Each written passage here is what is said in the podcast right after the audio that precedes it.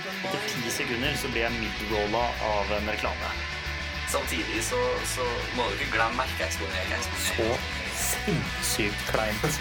Det der gir slakt. Ja, altså Iallfall når du må se en reklame som er lenger enn filmen du skal se.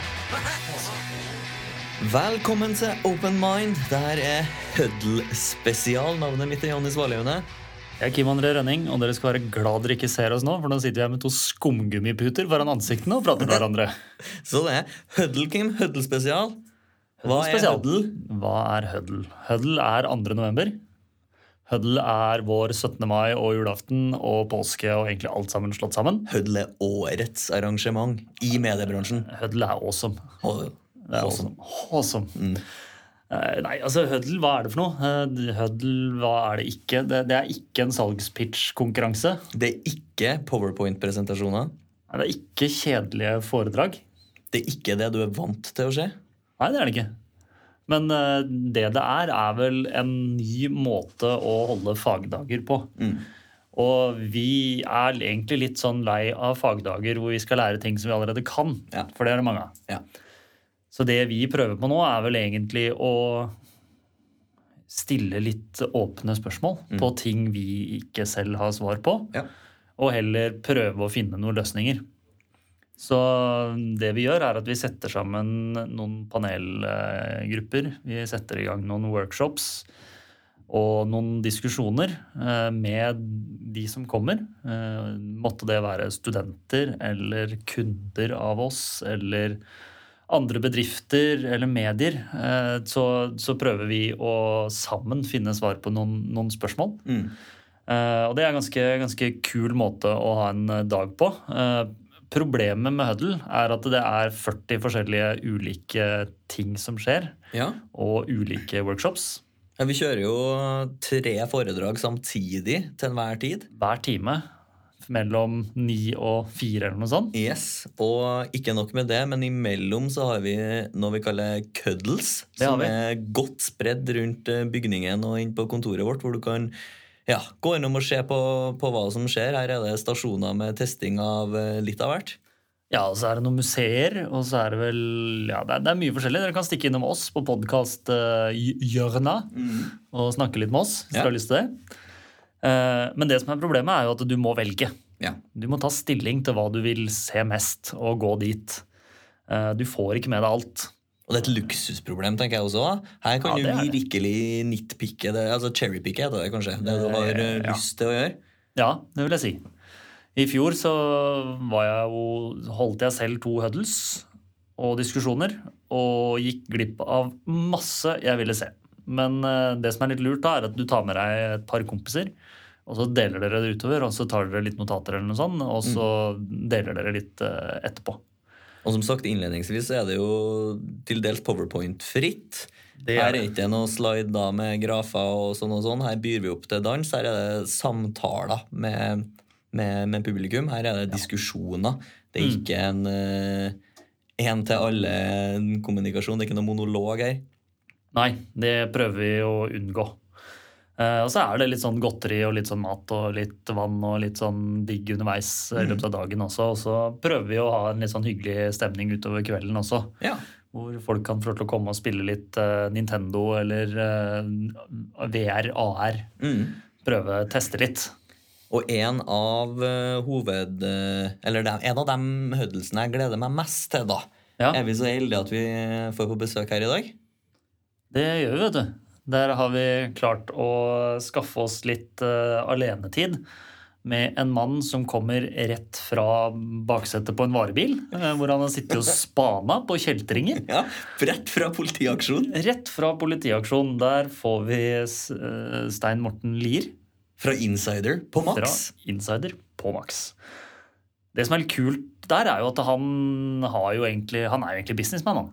Ja. Og så bare tenkte han det her gidder jeg jo ikke mer. Og who knew, tenker jeg. Nei, og nå fanger han bad guys på TV, liksom. Ja, det er helt uh, sykt. Jeg går fra direktørtittel i Telenor Ja. og over til å være dørvakt i helgen og fange skurker på si. Det er Ja. helt sjukt.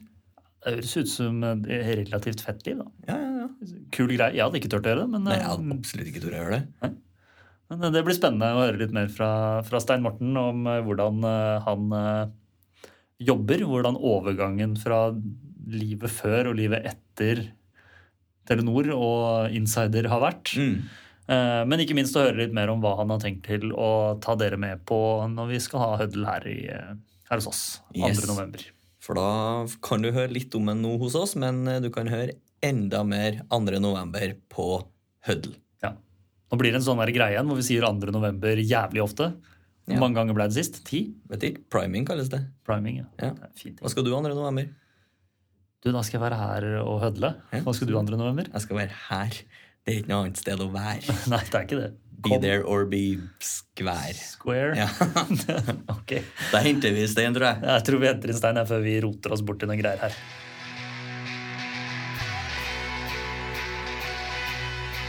Yes, Da er vi så heldige at vi har eh, fått eh, Stein Morten Lier inn i studio her. Eh, mange av dere kjenner han kanskje fra Insider på TV-en, hvor han følger etter bad guys og gjør sånne ting som vi syns er dritspennende og ser tøft ut på TV, men som vi ikke tør å gjøre sjøl. Men Stein Morten, det som kanskje mange der ute ikke vet, er at du kommer jo egentlig fra en, en businessbakgrunn, eh, og som konsulent, og også i Telenor. Eh, Så hvordan var det sånn transition fra det til det du gjør i dag?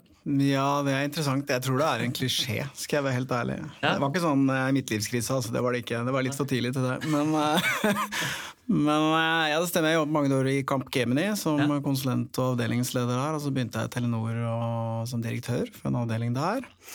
Men eh, akkurat i det tidspunktet jeg begynte i Telenor, så var det de skulle si opp 2000 ansatte. Ja, Så jobben min starta med å sparke 60 stykker.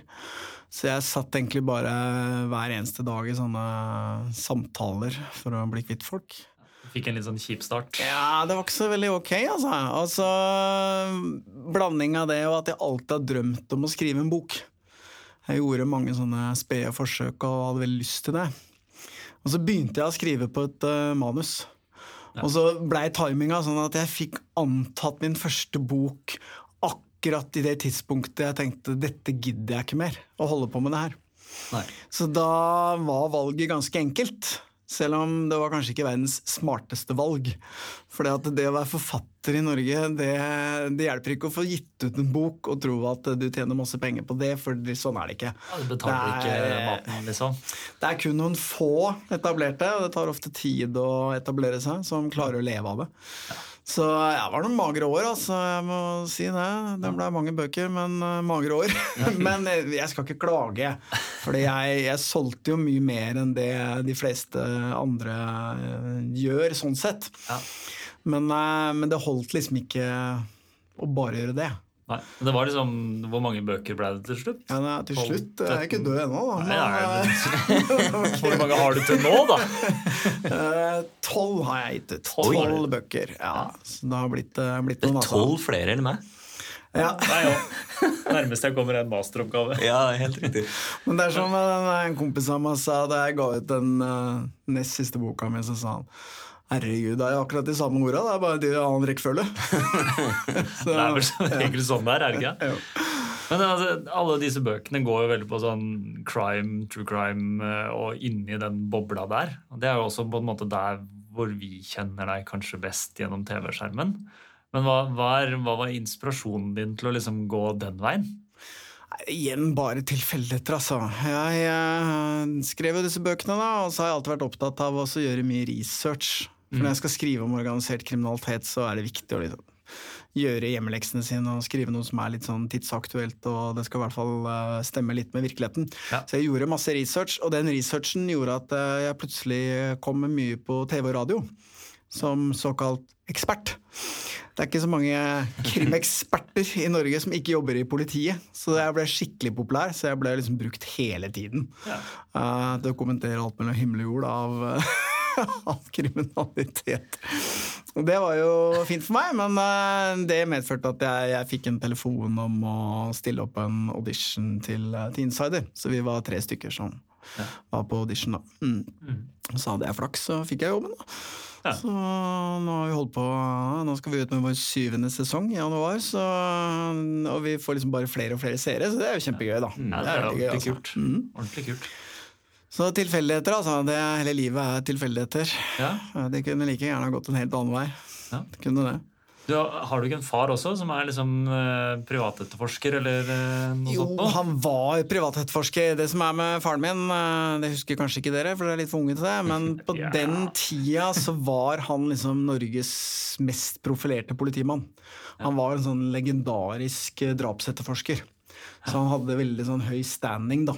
Mm. eh, Som jeg vokste opp med. Og derfor så ble jeg jo litt selvfølgelig fascinert av, av politiarbeid og de tingene der. Det er ikke så rart. Det ligger, av det ligger litt der. det ligger litt der, og det er jo det jeg driver med nå. For Insider er jo veldig mange episoder så driver vi rett og slett med etterforskning. Ja. Vi er ute og spaner, og vi samler informasjon, og vi eh, prøver å løse litt eh, saker. Og det er jo kjempegøy. Ja. Ja, det høres jo eh, ordentlig kult ut. Ja, jeg kommer akkurat nå fra vært på opptak i dag, faktisk, hvor vi har rulla opp et uh, svært kriminelt uh, nettverk. Og vi fikk med oss politiet til å aksjonere. Så jeg satt liksom i eh, Du kommer fra aksjon nå? Ja, men det som er litt døvt, det er at eh, vi hadde liksom kartlagt alt sammen, og de faste rutinene deres, og dette skjer hver dag, og vi skulle ta hovedmannen når han liksom kom til depotet. Han dukka selvfølgelig ikke opp, Nei. og vi fikk en melding om at bilen hans var i Porsgrunn. Ah, og så satt vi der og tenkte åh, herre mulig? Og så til slutt så, så ga vi opp, da. For vi tenkte Ja. ok, det skjer ikke noe i dag. Og så går det ikke mer enn en halvtime, vet du, så får jeg melding fra politiet om at eh, da har selvfølgelig han vært Men uh, det er ingenting som er blåst, og vi, uh, vi prøver igjen til uka. Ja. Så bra. Ja, det er bra. Det er, jo, det er jo egentlig helt sykt spennende. Jeg tenker, Her sitter vi og kikker på bannerannonser og gjør research, og så spiller inn en podkast. Han, han i studio han har vært på politiaksjon. Er litt sånn forskjellige liv. Ja, det er litt. En liten smule. Men det er jo er, Altså Hvor mye av det som av jobben som ligger bak, er det vi ser på TV? Ser vi bare det som er kult, og så det som er TV, liksom, og så blir resten Dere ser en flik, selvfølgelig. Ja. Fordi eh, vi kan jo ikke sende et program som er eh, 40 timer langt. Hvor mange Så- går i vasken før eh, Nei, Det er ikke så mange programmer som går i vasken, men det er klart at vi gjør jo veldig mye opptak. Det kan godt være 25-30 timer opptak som skal klippes ned til 44 minutter. Men sånn er det jo bare, og mye av det er jo ting man ikke kan bruke. Vi, eh, det er mislykka, eller det skjedde ingenting, eller eh, sånne ting. Sånn er det jo bare. Ja. Men så klipper man til dette her, og så får man, tar man liksom ut essensen. Da. Det er det man ser på TV, da. Det er sikkert mye, mye kjedelige timer. Altså sånn research og sitte på internett og google og finne fram. Og, Ja, Det er for så vidt greit, altså, men jeg skal love deg å sitte fem-seks timer i en spaningsbil, f.eks. i Malaysia, som jeg gjorde i sommer, i 40 varmegrader, og ikke kan ha vinduene åpne engang, det, det er både kjedelig og ubehagelig. Ja. Så du skal jammen være tålmodig for å være spaner, altså. Det er mange timer å sitte og glane på ingenting. Det er litt sånn som man ser på film, liksom. At Ja. man bare sitter time etter time i bilen og spiser donuts og drikker kaffe. Ja, Donuts og kaffe er selvfølgelig helt nødvendig. Helt nødvendig. Man føler det mest spennende eller mest annerledes eh, med å gjøre den jobben du gjør i dag, kontra det trygge fra før? Bortsett fra selve arbeidsoppgaven er åpenbart annerledes, men for deg som person, da, det å gå på jobb i dag kontra for eh, x år siden, når du satt, satt i Telenor og hadde trygt og fast, men sikkert stressende og vanskelig, det òg. Et helt annet liv. Mm. Det beste er at jeg slipper å ta på meg dress. Det er jo fint. Så nå kan jeg gå i eh, jeans og hettegenser og, og slippe å tenke så mye på det. Uh, det eneste jeg må tenke på, er liksom å holde Ikke at hår, håret forandrer seg for mye, så Ja. det ser litt rart ut på TV. Ja. Men uh, det er veldig annerledes, selvfølgelig, men mye friere. Uh, En helt annen hverdag hvor man ikke Det er ikke noen rutine på ting. Det er ikke noe Du kommer ikke på jobb klokka åtte om morgenen og går hjem fire-fem på ettermiddagen. Men uh, isteden så kommer man på jobb halv syv om morgenen, og så går hjem klokken elleve om kvelden. Så da slipper man å være så mye hjemme, da. Det er jo ok. Å sitte og kjede seg. Eh, Nei, så, sånn er det jo. Når man jobber i TV-bransjen, når man skriver, eh, så, så er du egentlig på jobb døgnet rundt. Det forlater jo aldri tankene dine. Jeg tror ikke det egner seg for alle, for jeg tror du blir en litt sånn der eh, sær eh, einstøing som egentlig ikke er noe ålreit å, være for mye sammen. med. Det er veldig ålreit å ha deg her nå, ja. Jo, takk skal du ha. Så vi har ikke merka så mye til ennå. Det tar kanskje litt tid. Ja, det tar litt tid. Ja, ja. Så tror jeg jeg tenker litt på Det er jo litt sånn privatetterforskning som vi snakker om. Og det er jo litt skumle miljøer der borti. Noen er også hyggelige, litt spennende. Alle den dørvakt, de er jo ikke skumle, men det er jo interessant. Men hvordan er det å være på TV og samtidig være litt undercover og den biten der? Folk kjenner deg jo igjen, og så skal du allikevel kanskje ha en liten sånn eh, skal du si undercover-del også?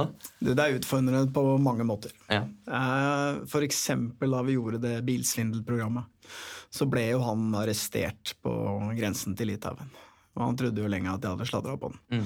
Men det som var realiteten, det som virkelig skjedde, det var at Og her kom vi til det punktet her, da. Det at vi stoppet et siste stopp i Polen før vi skulle over grensen for bare å ta en siste prat. Og da var det faktisk en polakk som kjente igjen meg som hadde sett på Insider, og som var helt sikker på at vi var på noen smugletur eller noe greier, så han ringte til politiet på grensa og sladra. Og derfor så ble han stoppa. På grunn av det, fordi at han kjente igjen meg fra Insider. Ja, og det er jo en utfordring, akkurat det der. Når man har trynet sitt litt for mye på TV, så begynner folk å dra litt kjensel på deg. Så vi, vi prøver å være litt sånn smarte i forhold til det. Det er ikke så mye forkledninger, det er ikke det, men vi, eh, det er ikke alltid at eh, jeg går ut, f.eks. At vi kanskje bare sender fotografen ut, at jeg blir sittende og ikke vake rundt i området. Dere har ikke begynt med løsbarter og mørke solbriller? Det kommer i sesong åtte. Sesong åtte. Nå er det løsbart. Men du er, jo, du er jo tøff da, som hiver deg på det. Jeg husker faktisk den episoden du snakka om, og når han trodde at du hadde sladra på han, så fikk du jo møte han igjen. Men da frakta han jo dere bort i den varebila. Eh, du husker åpenbart det her, men for de seerne som ikke husker eller ikke så det altså, Så vidt jeg oppfatta, da var du genuint litt bekymra. Du ga uttrykk for det også. Faen er det som skjer nå, liksom? Hva Ja, det er jo ikke noe behagelig. Du blir liksom stappa inn i en tom varebil og kjørt i flere timer til et sted du ikke aner hvor er hen. Så har du litt sånn i bakhodet at han kanskje ikke helt stoler på deg lenger. Eh, jeg var aldri redd, det skal jeg ikke si. Jeg var mer sur. For jeg, det var ganske ubehagelig å sitte bak, bak i den bilen. Han ble kasta fra side til side. Men han gjorde det nok mer som en liten sånn maktdemonstrasjon, tror jeg. Han virka som han skulle være litt sånn Han skulle gjøre seg litt mer bigshot enn hva, husker jeg, men leverte de skiltene som var skiltene dine med en gang, bare for å vise at han kunne og sånn.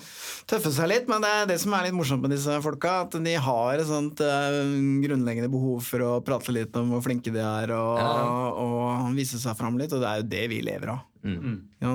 Hvis ikke vi hadde hatt Hvis ikke folk genuint ønsket å dele og snakke om og være litt stolt av det du holder på med, så hadde vi ikke fått til halvparten. Det er jo der vi liksom får de inngangene, da. Men eh, litt tilbake til det vi snakket om i stad. så du sa at eh, det som kanskje er utfordrende da, når man har en sånn rolle, det, er jo, det gjelder jo for alle politispanere og alt, det er jo at man Det er noen grenser man ikke må tråkke over. Fordi de vil jo gjerne bli kompis med deg, de vil gjerne være venner med deg, og alle prøver på mange måter å lure deg litt og få deg til å gjøre noe kriminelt. Altså de, de prøver å lokke deg utpå hele tiden. Sånn som han bilsvindleren maste hele tiden om at jeg skulle sette meg inn i den stjålne bilen og prøvekjøre den litt. Og, altså Sånne småting som det, det gjør de hele tiden helt bevisst. Så det er en sånn vold, voldsom balansegang, det der. Det er ikke alltid så enkelt. For på et, du vil gjerne at de skal være litt vennskapelige med deg, du vil at de skal snakke med deg og fortsette å by på det de har å by på. Men, eh, og da må du være litt kompis med dem, men samtidig så kan du liksom ikke tråkke over de grensene. da. F.eks. At de sier 'Å, jeg har ikke penger på kortet, kunne du ikke bare fylt tanken for meg?' Skjønner du hva jeg mener? Men alle sånne ting, da er man jo delaktig i en kriminell handling. Så det kan vi ikke gjøre. Vi må Nei. liksom bare holde den avstanden. Og det kan være litt eh, utfordrende, altså. Men du kommer jo også hit eh, bare om et par dager og skal prate litt på arrangementet vårt Huddle. Eh, eller kanskje ikke holde et foredrag så per se, men altså holde en, en workshop. Men Kan ikke du fortelle litt, ikke si alt, men litt sånn hva du har tenkt til å dra oss inn i 2. november? Det kan jeg gjøre. Breaking the rules er jo tema. Yes. Du kjenner jo sikkert noen som driver med det. ja. Og Da kan man ofte tenke i en sånn setting at det å bryte reglene kan være noe positivt. At man eh, bryter opp med noen normer og går noen nye veier og osv. osv. Det er greit, og det er det. Eh, jeg skal kanskje snakke om litt mer skyggesiden av å bryte reglene. Hvilke konsekvenser kan det få for deg og, og hele samfunnet som helhet? Fordi at eh, jeg vil våge å påstå at nesten alle sammen, alle oss, vi bryter reglene på en måte som er med på å skape mer organisert kriminalitet. Og undergrave egentlig hele systemet. Sånn Men vi tenker ikke så godt over det. Tenker ikke så mye over det. Så vi kjører en workshop, en workshop med full av morsomme historier og eksempler osv., hvor vi skal prøve å adressere det litt, og kanskje finne fram til noen eh, gode tanker rundt hvordan vi kan slutte å bryte reglene på en negativ måte, og heller konsentrere oss om å gjøre det på en bra måte.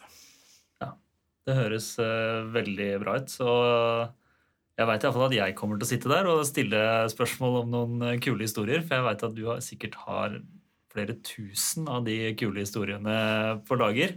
Vi skal ha, eh, ja, jeg lover at Så- jeg skal dele skikkelig morsomme historier på det. Ja, Dele, dele ting som ikke er blitt delt før. Jeg lover. Ah, ok. Får vi, får, vi noen nye, får vi noen innspill på hva som kommer i neste sesong? Jeg skal ikke se bort fra at vi kan prate litt om det. Altså, jeg har uh, gjort uh, masse morsomme ting uh, allerede. Jeg kan sikkert fortelle litt om påskeferien min i Nord-Irak i nærheten av Mosul. Det var interessant. Det høres ut som et interessant sted å ha påske. Ja, det er sånn Hadden solo, tenker jeg, og hvor var appelsina i, i var den i sekken? Altså, det. Var det Kvikk Lunsj på toppen, eller var det ikke? Hadde med masse Kvikk Lunsj. Ja, det er herlig. Men For dem som har lyst til å komme og høre, da, så er jo Huddle den 2. november. Temaet er som sagt eh, 'Breaking the Rules'. Da, da skal vi rett og slett gjøre det. Ja. I flere former. Vi skal bryte så mye regler og vi vise deg, og kanskje ikke lære deg. Det skal vi kanskje holde oss unna. Men Heller Eller lære hvordan vi holder oss unna, kanskje. Men eh, ja. ja, hvordan vi kan gjøre verden til et bedre sted. Mm. Det er en god tanke. Ja, Er det ikke det? Ja, jo, jeg synes det. Jeg tror vi avslutter der, Ja, da. Ja. Så sier vi tusen takk til eh, Stein Morten. Tusen. Takk for at du delte. Ok, Kim. Det var, det var litt av et liv kontra vårt. Nei, jeg har bare lyst til å fortsette å høre på, jeg. Så jeg gleder meg skikkelig. Det Men eh, nå har vi vært litt innpå Breaking the Rules i studio her nå, og så har vi snakka litt om The Huddle. Eh, For dere som har lyst til å melde dere på, da, så kan dere gå inn på nettsida vår på mindshareworld.com slash Norway og Yes. melde dere på via den. Mm. Hvis ikke så har vi lagt ut en post på LinkedIn og på Facebook også, hvor det går an å melde seg på via. Her er det bare å klikke og sign up. Ja, ta med deg en kompis. Ta med gjerne en kompis, kollega, gammel klassevenn osv. Og, videre, og, og stikk innom for noe Huddles, Cuddles og noen øl. Ja. Så er det jo også sånn at eh, vi har snakka mye om arrangementet, men, og at det er mye som skjer, men kanskje du har lyst til å ta en kjapp liten rundown av eh, hva annet enn Stein Morten og oss de kan høre om? Det kan jeg gjøre. vet du. Det kommer jo annet folk fra Nederland og fra UK. og Det, altså, det kommer jo folk fra overalt. Men altså, programmet er som følger.